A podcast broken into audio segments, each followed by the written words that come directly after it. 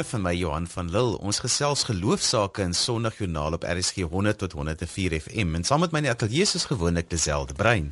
Goeiemôre vir almal wat laat weet het hulle luister en baie dankie vir julle terugvoer wat julle vir ons gee.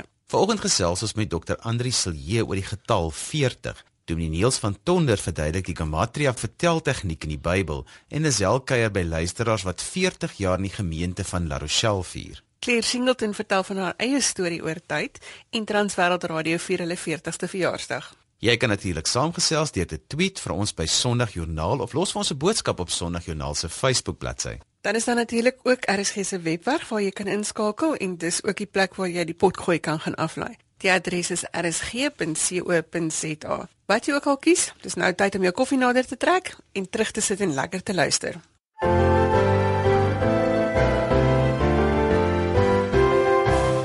Vanoggend kry ons 'n bietjie klarigheid oor die getal 40 in die Bybel. 40 word nie minder as 146 keer in die Bybel gebruik en dit gaan gewoonlik gepaard met 'n toets wat geslaag moet word of 'n opdrag wat moet uitgevoer word of partykeer so 'n bietjie ja, hoe 'n mens uitgetoets word. Nou Dr. Andri Silje is van die Sonstraal gemeente en hy sluit vanoggend by ons aan om so 'n bietjie te kookus oor die getal 40. Goeiemôre Andri. Môre Lisel, môre. Andries nou ek en jy en Johan gaan nou nooit weer kan sê ons is 40 jaar oud nie. Ons is nou lankal by daai syfer verby. Kom ons begin by Moses wat 40 jaar in Egipte gebly het en en ook 40 dae op die berg van Sinai moes spandeer. Miskien moet ek eers uh voordat ons nou vir Moses vat, sê dit oor die getal 40 in die algemeen smaak dit vir my geloopie gedagtes uiteen. Daar is hier en daar mense wat baie spesifieke simboliese betekenisse daarin wil hê. Ek kan miskien 'n bietjie later iets daaroor sê. Maar daar is ook die wat sê die, hierdie mense het nie presies getel soos ons nie. So 40 was vir hulle iets soos uh vir 'n hele klomp jaar, vir 'n lang tyd. Dit was 'n aanduiding van 'n tydperk eerder as wat dit 'n 'n spesifieke uh getal was. So en ek is nogal geneig om te dink dat 40 miskien nie jy weet presies uh 8 x 5 was nie, maar dat dit 'n meer 'n breë aanduiding het. Maar dit is tog duidelik dat dit baie keer in die Bybel gebruik word in 'n meer simboliese konteks.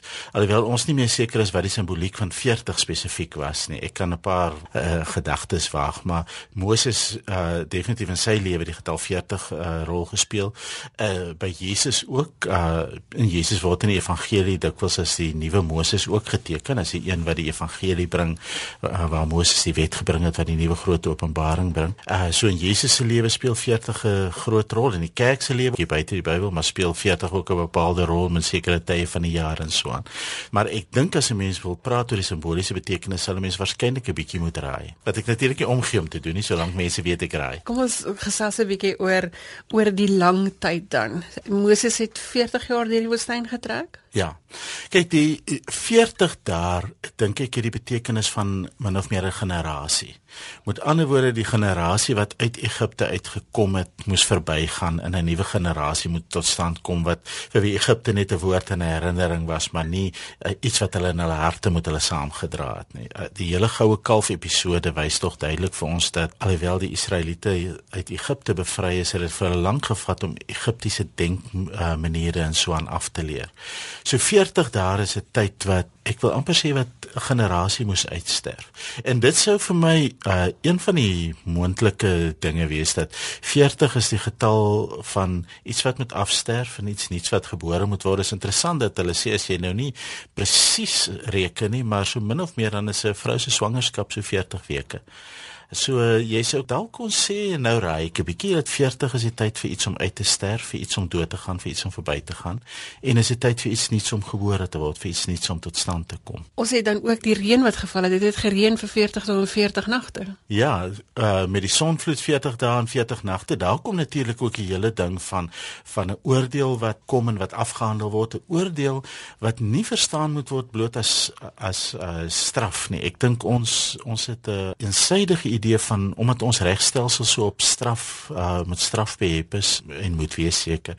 Uh dink ons dis die enigste vorm van geregtigheid, maar baie keer in die Bybel is God se geregtigheid is meer 'n regstellende geregtigheid, een wat weer balans terugbring. So in 'n Noag verhaal dink ek byvoorbeeld word daar skeiding gemaak, daar word oordeel gebring, maar daar word kom ook 'n nuwe aarde tot stand. Daar word iets herstel ook. Nie noodwendig net 'n uitwissing. Dis nie noodwendig net 'n uitwissing nie, ja.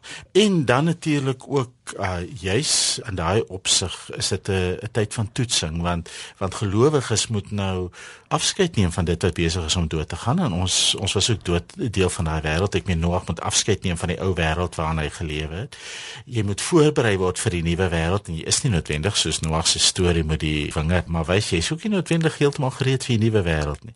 So 40 is ook 'n tyd van toetsing en van vorming en ek dink in die kerklike tradisie het die, die gedagte van 'n tydperk van 40 dae as 'n tyd van toetsing en vorming definitief ook 'n rol gespeel. En dan het Jesus sy eie 40 dae storie gehad. Ja, die 40 dae in die woestyn wat uh ek dink uh, op twee vlakke gelees kan word. Die een is dat Jesus persoonlik daar getoets word vir sy gehoorsaamheid, sy vertroue op Christus. As jy die versoekings gaan lees, ag op God, ten minste op sy Vader.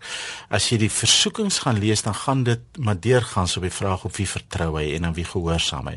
Wat die eerste een gaan oor wie is die bron van sy identiteit? Is dit die Vader wat vir hom in die doop gesê het jy is die geliefde seun of is dit hierdie strewe om te bewys wie hy is? As jy die seun van God is, sorg vir jouself dat hierdie klippe brood word. So dis die tipe toets waardeur Jesus gaan in die 40 sê dan dat hy in 'n sekere sin besig is om deur te gaan in die wildernis dieselfde toets wat Israel in die woestyn gegaan het. Uh dis in die Matteus Evangelie veral dink ek belangrik dat Jesus herhaal amper kan jy sê Israel se ou storie.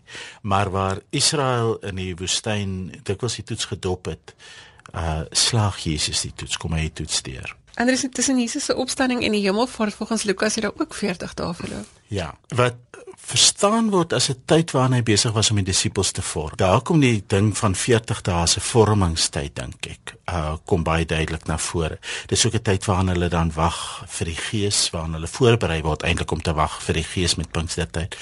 Maar uh, ons moet besef dat Jesus eintlik deur sy hele loopbaan was hy besig om dinge eers vir die disippels te doen en dan met hulle te doen. Hy loop 'n pad vir hulle, daai pad van toetsing, daai pad van vorming en dan loop hy dit met hulle.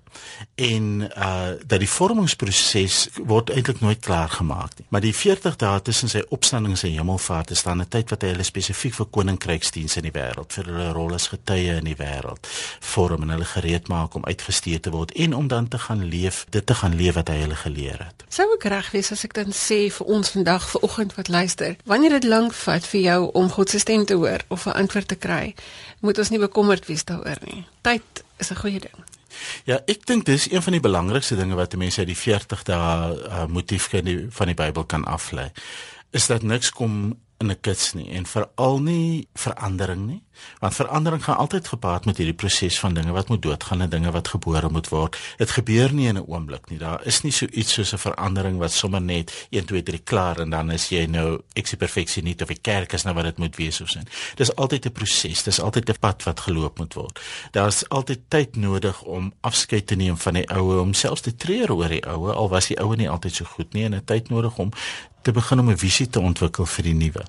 En dis iets wat die kerk natuurlik ook elke jaar in die lydenstyd herhaal, want die lydenstyd is ook 'n 40 dae. Van as Woensdag af, uh, as 'n mens uh, die Sondag nie inreken nie, tot en met uh, Goeie Vrydag is 40 dae.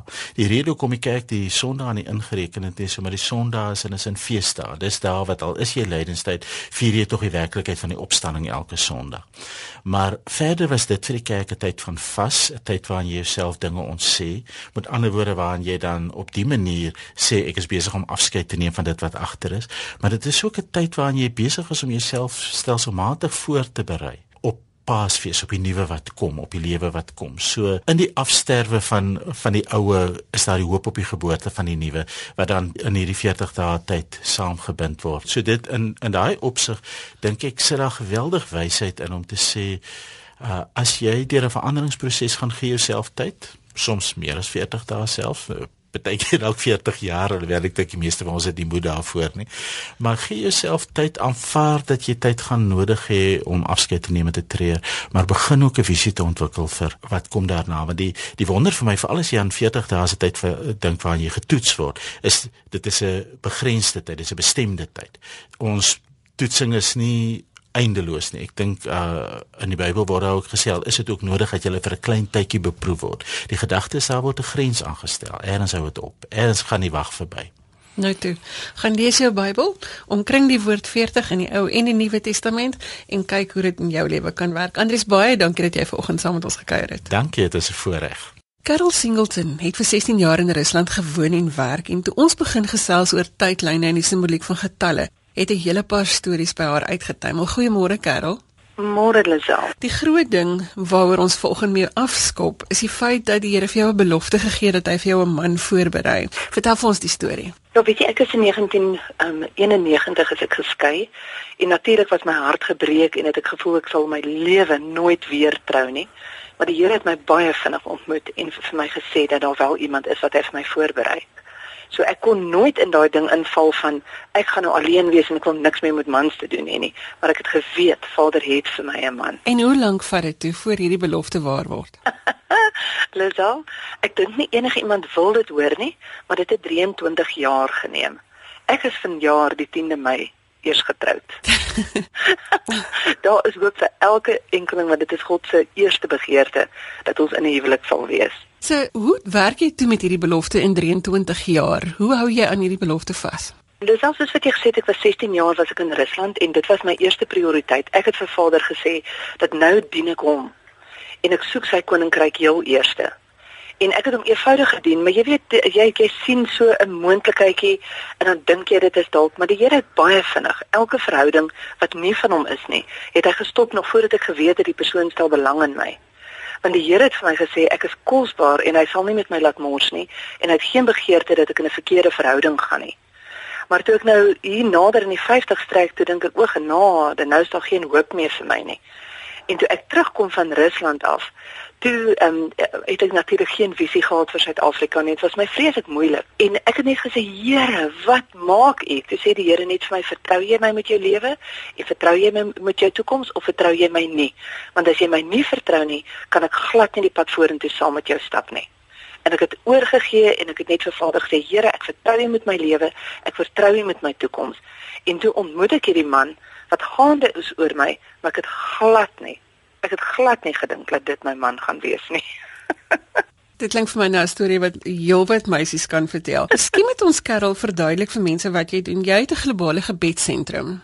Ja, weet jy eh, ons funksioneer baie op 'n persoonlike vlak waar ons al ons um, persoonlike sake is ons baie belangrik as enigiets anderste maar die Here het vir ons 'n globale posisie gegee. En in die globale um, gebedsentrum spreek ons sake aan wat van globale waarde is jy weet so, soos byvoorbeeld pornografie is al reeds globaal finansiële probleme is al reeds globaal so wat ons doen is ons vat die kinders van die Here en ons posisioneer hulle in die globale posisie wat Vader vir ons gegee het sodat dat ons nie so slagoffers bid en profeteer nie, maar soos die oorwinnaars wat God vir ons wel gegee het. So saam met dit, ons bedien reg oor die land en dan gaan ons natuurlik in die buiteland en ons gaan bedien nog steeds in die buiteland, nog steeds in in Rusland ook. Maar dit gaan daaroor om die bruid van Jesus Christus te posisioneer as die oorwinnaars in die globale posisie wat God vir ons gegee het. So julle is soos gebedssoldate wat permanent bid. Weet jy, ja, ons bid nie net permanent nie, dit gaan ook oor lering en dit gaan oor profetiese lering, dit gaan oor opleiding. Hoe hoor 'n mens die die Here se stem? Want ek dink dit is seker die grootste probleem vir ons almal. Nee, is ons weet nie hoe om die Here se stem te hoor nie. En dan sien jy nou nog hierdie aantreklike man en jy's oortuig daarvan dat hy die die man van God vir jou is en dan werk dit ook nie so uit nie. Jy weet, maar die, maar die groot ding is dat elkeen van ons moet weet dat God so diep belangstel in ons en dat laat die plan vir vir jou lewe in sy hart verander nooit. En wanneer jy sy koninkryk eerste soek, dan dan sal jy by God se plan vir jou lewe uitkom. Want toe die Here net vir my hierdie man gee, toe sê ek, Here, hoe gaan ek voor daai kansel staan en sê until death us do part? As ek weet dat hy môre vir 'n ander vrou kyk los hoekom dalk jy weet as gevolg van die die, die seer kry my hart. En toe kom God na my toe en hy sê hy sê so duidelik sê die Here vir my hy sê moenie dink dat hierdie huwelik gaan oor omdat jy en jy verdien geluk en hy verdien geluk en jy was alleen vir 'n lang tyd en hy was alleen. Die Here sê vir my ek het hom voorberei ek het jou voorberei. En hierdie eenheid gaan daaroor om my koninkryk te bevorder Hy sê soek eers die koninkryk van God en die res sal and everything else will be added unto you. Dis so maklik vir ons as mense om te dink oor 'n eerste en 'n laaste of 'n begin of 'n einde. Eintlik maar meestal veral dat ons nie goed genoeg is nie, nê. Nee. Ja, en weet jy toe die Here dit vir my sê, toe besef ek, weet jy, ek maak my my huwelik 'n persoonlike saak. En eintlik is dit nie persoonlik nie. Dit gaan daaroor om dit elke huwelik is 'n profetiese aksie van Jesus die bruidegom wat gaan kom om sy bruid te ontvang. Dit gaan oor korporatiewe salwing. Jy weet een dat 1000 val, twee dat 10000 val. Maar omdat ons so vashak in die persoonlike geluk van as hy my nie gelukkig maak nie, dan los ek hom. Jy weet, en toe die Here net my fokus weer op daai globale posisie sit, toe kyk ek na Dani en hy's 'n wonderlike goddelike man. En ek kan sien hoe die Here hom voorberei vir my. En ek besef dat selfs 4 jaar terug was ek nie reg vir hom nie. Selfs 2 jaar terug was ek nie reg vir hom nie. Maar die Here het my voorberei, die Here het hom voorberei en dit gaan oor sy koninkryk heel eerste nie net oor ons persoonlike geluk nie. Ons tyd is nie die Here se tyd nie, maar jy het nog 'n storie oor 'n gebedstrein in Rusland. Ja, weet jy, ek kyk as mense so vol visie na 'n ander land toe gaan en die Here sê, ek wil hier met 'n gebedsreis deur die hele Rusland doen, dan spring alles in jou reg op en jy's net gereed om dit te doen. Maar ek het net nooit gevoel ek kan dit doen nie. En toe in 2006, dit was in 1998, in 2006 toe kom Vader en hy sê vir my, hy sê dit is nou tyd om 'n profetiese treinreis te doen en dit moet in 2008 plaasvind. En weet jy in 2008 was ons 48 mense. Dit was 7 Suid-Afrikaners, 40 Russe en 1 Skot. En die Here moes ons almal voorberei. Maar hy het vir my die visie gegee en ek ek het geweet dat alles wat ons doen werk op na daai punt. En toe in 2008 het ons daai treinreis gedoen en dit was fenomenaal. En aan die einde van daai laaste konferensie het ek bo op 'n berg 11:00 die nag na die laaste konferensie het ek gaan staan en ek het vir, vir die Here gesê so Lord what you commanded me I completed it. En dit sê die Here iets het nou klaar gemaak maar daar's nou 'n nuwe ding wat weer begin so alhoewel God die die God van die ewigheid is is daar deeltjies van daai ewigheid wat hy wat hy jou by wil betrek en wat hy wil hê dat jy ook moet manifesteer op die aarde. Maar dit is nie jy wat dit begin en jy wat dit eindig nie. Ek meen, toe ek hierdie hierdie treinreis begin, toe sê die Here vir my, moenie dink dis jy wat dit begin en jy wat dit eindig nie. Hy sê hierdie ding het begin 150 jaar gelede toe Hudson Taylor geprofeteer het oor Rusland. En dit sal 'n effek hê in die generasies wat nog gaan kom. Dis dis amazing, weet maar daai 10 jaar wag was nodig. Ons was glad nie gereed aan die begin nie. Karel baie dankie dat jy vanoggend met ons gedeel het vir al die boodskap dat alles nie onmiddellik en nou hoef te gebeur nie en dat God sy eie tyd het. Baie baie dankie Lisel en dit wil vir elke kind van die Here sê, vertrou God met sy tyd en met sy plan vir jou lewe. Sy plan vir jou lewe verander nooit in sy hart nie. Dit bly staan. Wees jy net geduldig en bly in God se tydstap.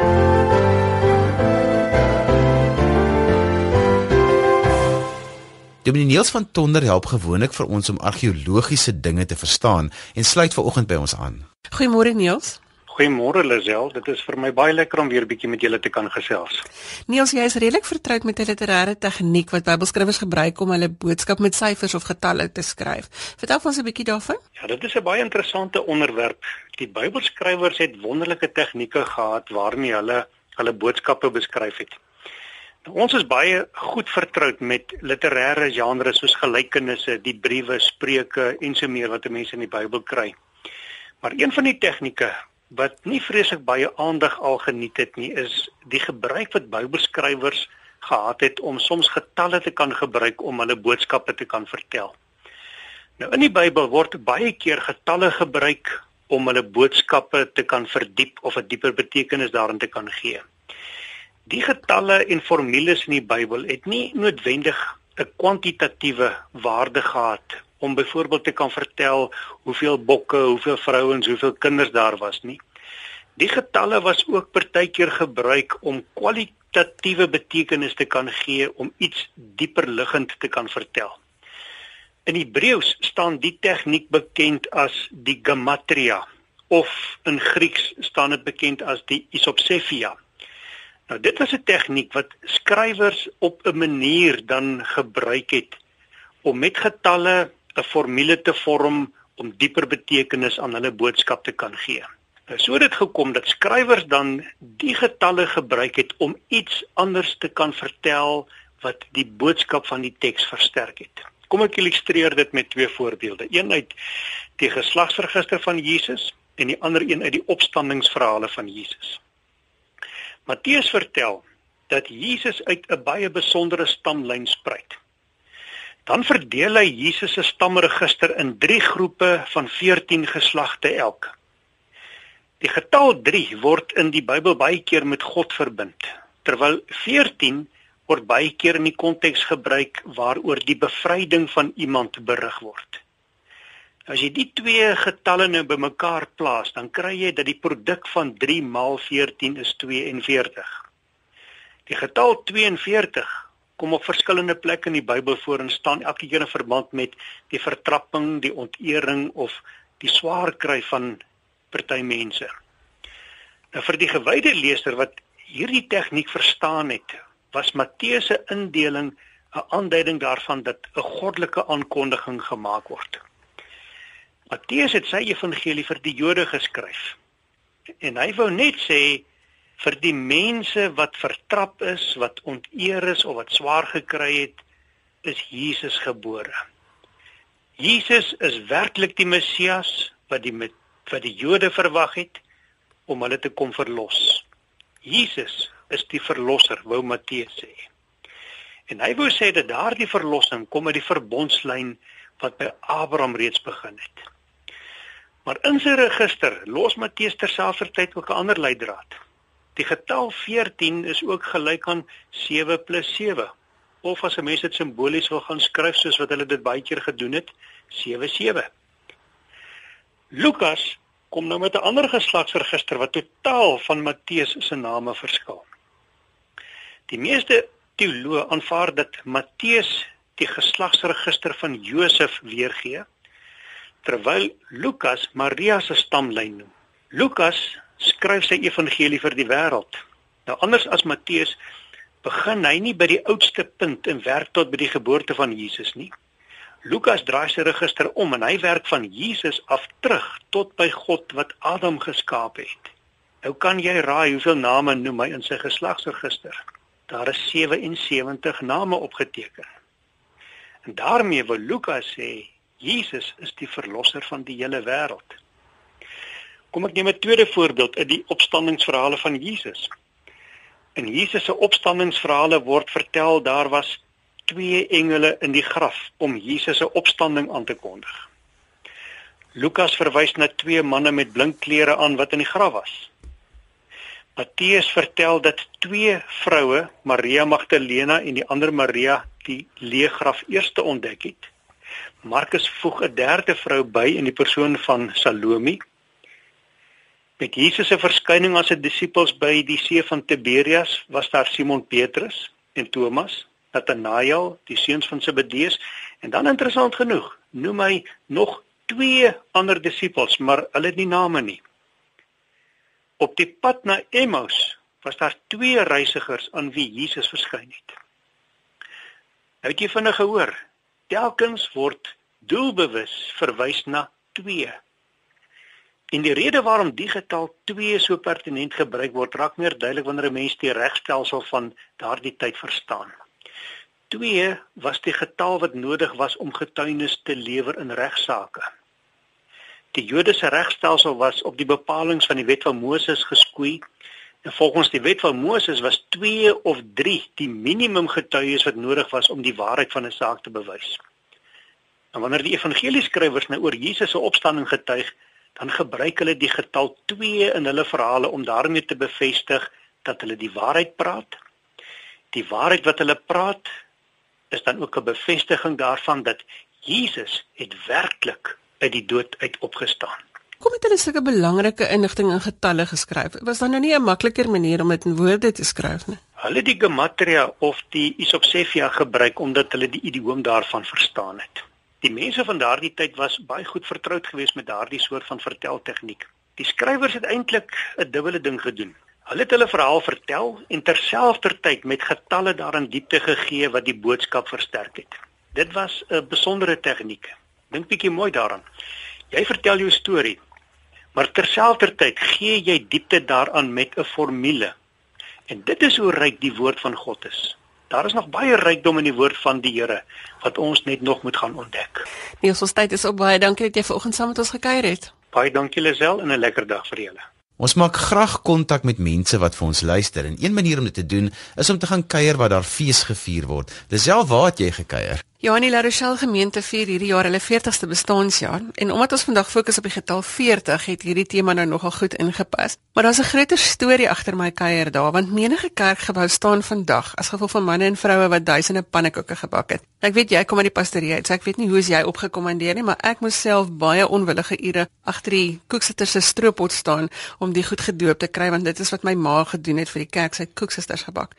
Dis die eintlike storie hier, die hart van mense wat gesorg het dat kerkgeboue baksteen vir baksteen gelê word. Ja, ek het ook vroeër herinneringe die pastorie uit waar die my ma die groot koektafel gedoen het en ons het die lekkers van die koeke af mag steel, maar my boetie het dit wel reg gekry. ek kuier vandag saam met 'n paar luisteraars en hier by die La Rochelle gemeente wat vanjaar hulle 40ste feesviering of bestaanjaar vier. En saam met my is Dominee Willem Venter. Willem, jy is nou 21 jaar by die gemeente. Vertel, hoe lyk die gemeente? Hallo Lisel, is lekker om saam met jou te kan gesels. Jong, ons gemeente is 'n tipiese voorstedelike gemeente. Ons is 'n makrogemeente wat bestaan wel dat ek liewer sê on, op ons boeke is ongeveer uh 4000 lidmate. Willem, hoe het die bestaan van die gemeente of die gemeente se interaksie verander oor die afgelope 21 jaar? Weet julle self as ek nou dink aan toe ek hier gekom het, was die gemeente 20 22 jaar oud gewees en het hulle hoofsaaklik gefokus om hulle self te vestig, die kerkgebou betaal te kry en so meer in 1996 het ons 'n baie wonderlike Pinkster gehad en dit het aanleiding daartoe gegee dat ons 'n sturende gemeente geword het. Ons het besef ons kan nie na binne gekeerd lewe nie.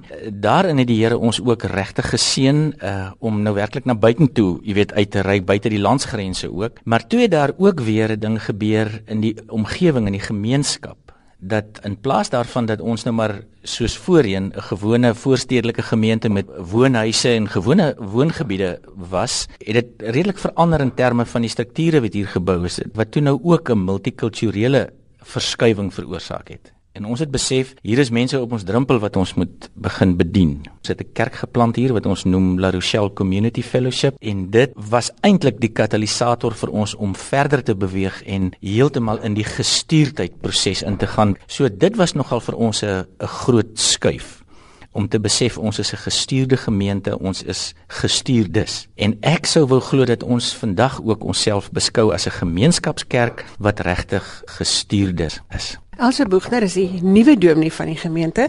Elsie, jy het vir die 40-jarige vieringe het jy deur al hierdie kerknotules gewerk en die geskiedenis bietjie bymekaar gemaak. Wat het vir jou uitgestaan? Nou Willem het nou die laaste deel uh, baie goed opgesom. Wat vir my opgeval het in die beginjare was Dominicolini Nel was die eerste predikant gewees. Hulle moes letterlik 'n kerk bou. Hier was niks gewees nie. Ek het toe by die ou lidmate gaan kuier en ek het hierdie een storie opgetel van mevrou Nel. En um, mevrou Nel het die susters van die gemeente soos daar destyds gepraat is, georganiseer en hulle het gebak en gebrou om hierdie kerkgebou waarna ons vandag is te betaal.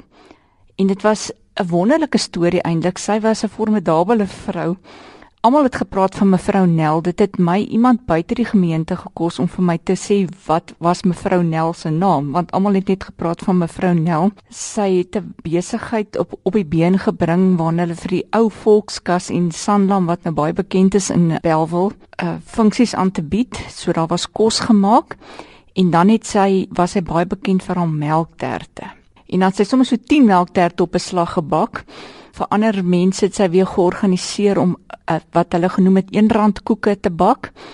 En of die wind gewaai het of dit gereën het, op Saterdagoggende het die vrouens hier in Ou Parelweg het hulle die melkterte en randkoeke verkoop.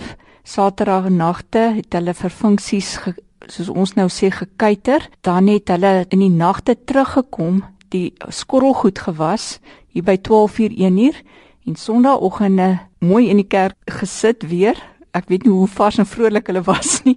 En dit was die groot storie oor hoe hierdie vroue die kerk betaal het.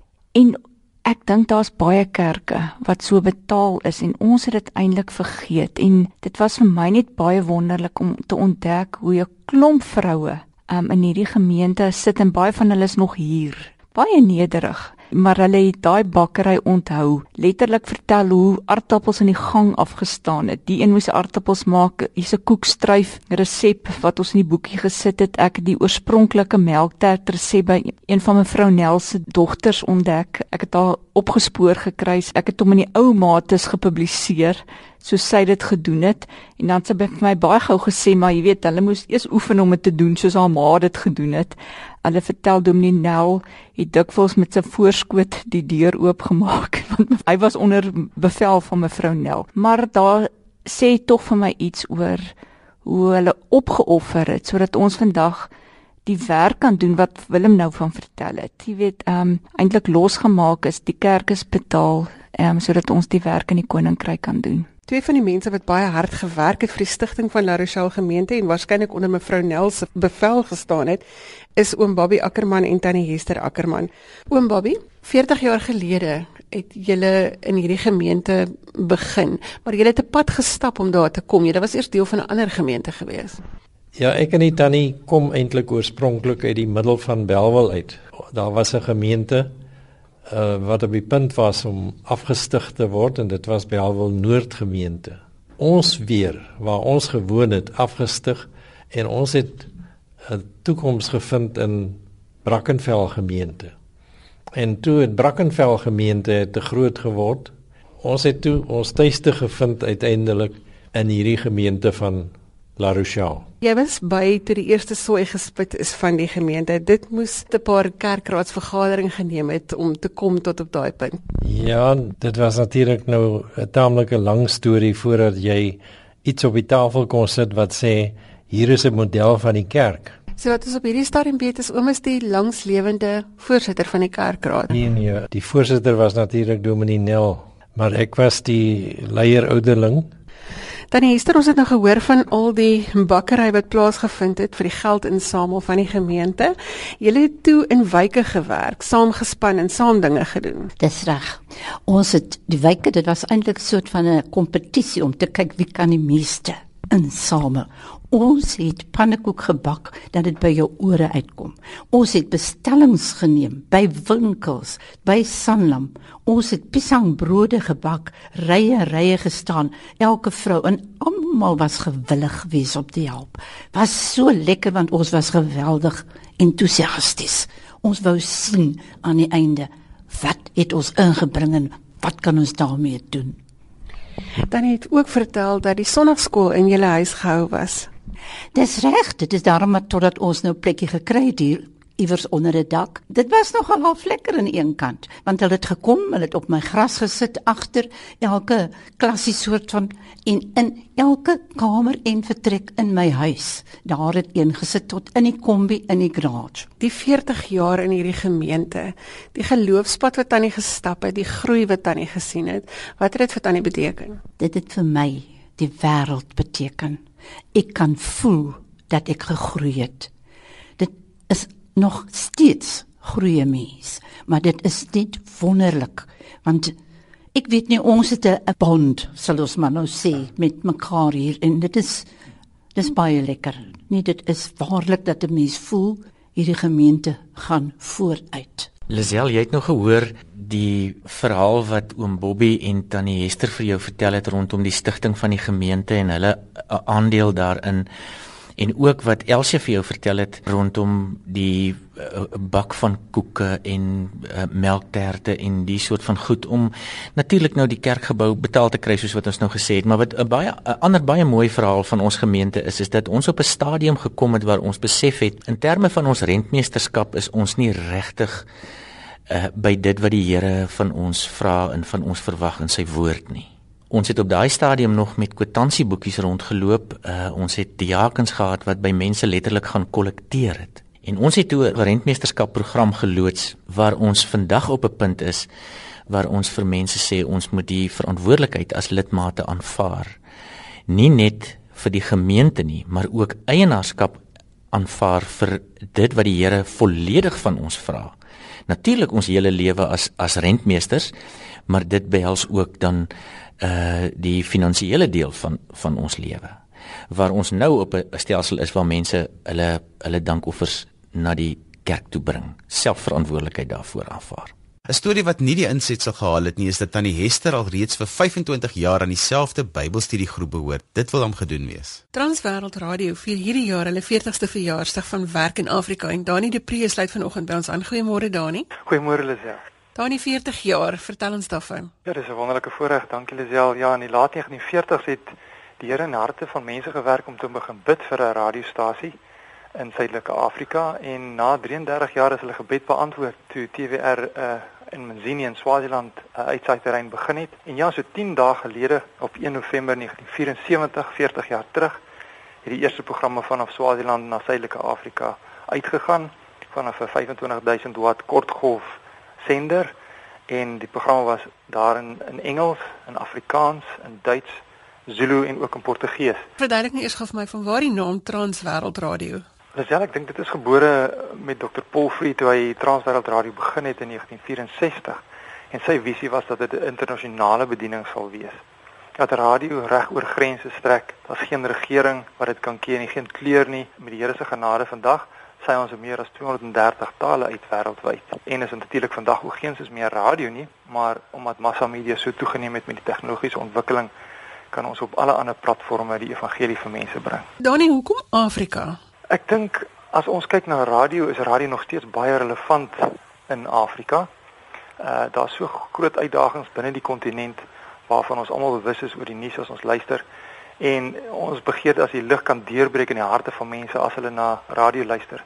In Mosambiek byvoorbeeld het uh, een van die mense wat radioprogramme vervaardig het hy uh, al lank baie programme gedoen en het gewonder is daar enige effek van my program in die gemeenskappe in in Portugees in in Mosambiek self en hy het in sy kar geklim en hy het agtergekom dat daar 300 gemeentes gestig is as gevolg van radio want mense in Afrika luister in groepe. Hulle luister nie soos ons een een na radio nie. Uh, kort en medium golf is ook nog baie relevant in afgeleë gebiede in Afrika. In bergagtige gedeeltes en onbereikte dele byvoorbeeld in Marokko uh, kan mense na TWR luister op kort golf Hoorie maar dis 'n allemintige taak. So het julle radio-omroepers in elkeen van hierdie tale. Wat ons doen is ons het op hierdie stadium 9 nasionale kantore reg oor Afrika en daardie nasionale kantore uh, neem verantwoordelik vir die inheemse tale binne daardie land en dan uh, ontwikkel hulle media inhoud wat dan spreek tot die hart van die mense oor ons eie sendeterreine oor ons eie FM stasies soos byvoorbeeld in Malawi waar mense dan die evangelie kan hoor in hulle inheemse tale. 40 jaar het daarom seker besondere stories opgelewer.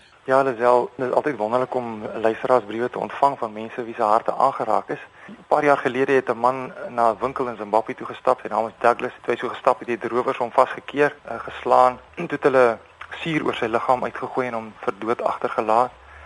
Uh, sy vriende het hom later gevind en hom hospitaal toe geneem waar hy vir 'n hele jaar daar in die hospitaal gelê het in baie pyn en toe hy uiteindelik huis toe gekom het, het hy baie uh, wonde gehad ook binnekant in sy hart van al die haat en uh, het hy eendag net uitgeroep en gesê wat is die rede dat ek bestaan? Waarom leef ek? En toe het hy begin drink en werklik onverskillig begin leef en eendag in in desperaatheid het hy sy radio aangeskakel en die Here het sy vingers gelei dat hy op TWR se uitsendings ingeskakel het en uh, hy het vir ons kom vertel wat die program in sy lewe vir hom beteken het en het hy ook die opmerking gemaak deur my blindheid het ek vir Jesus gevind. Dit is sulke wonderlike verhale van hoe die Here kan ingryp deur media in mense se lewens.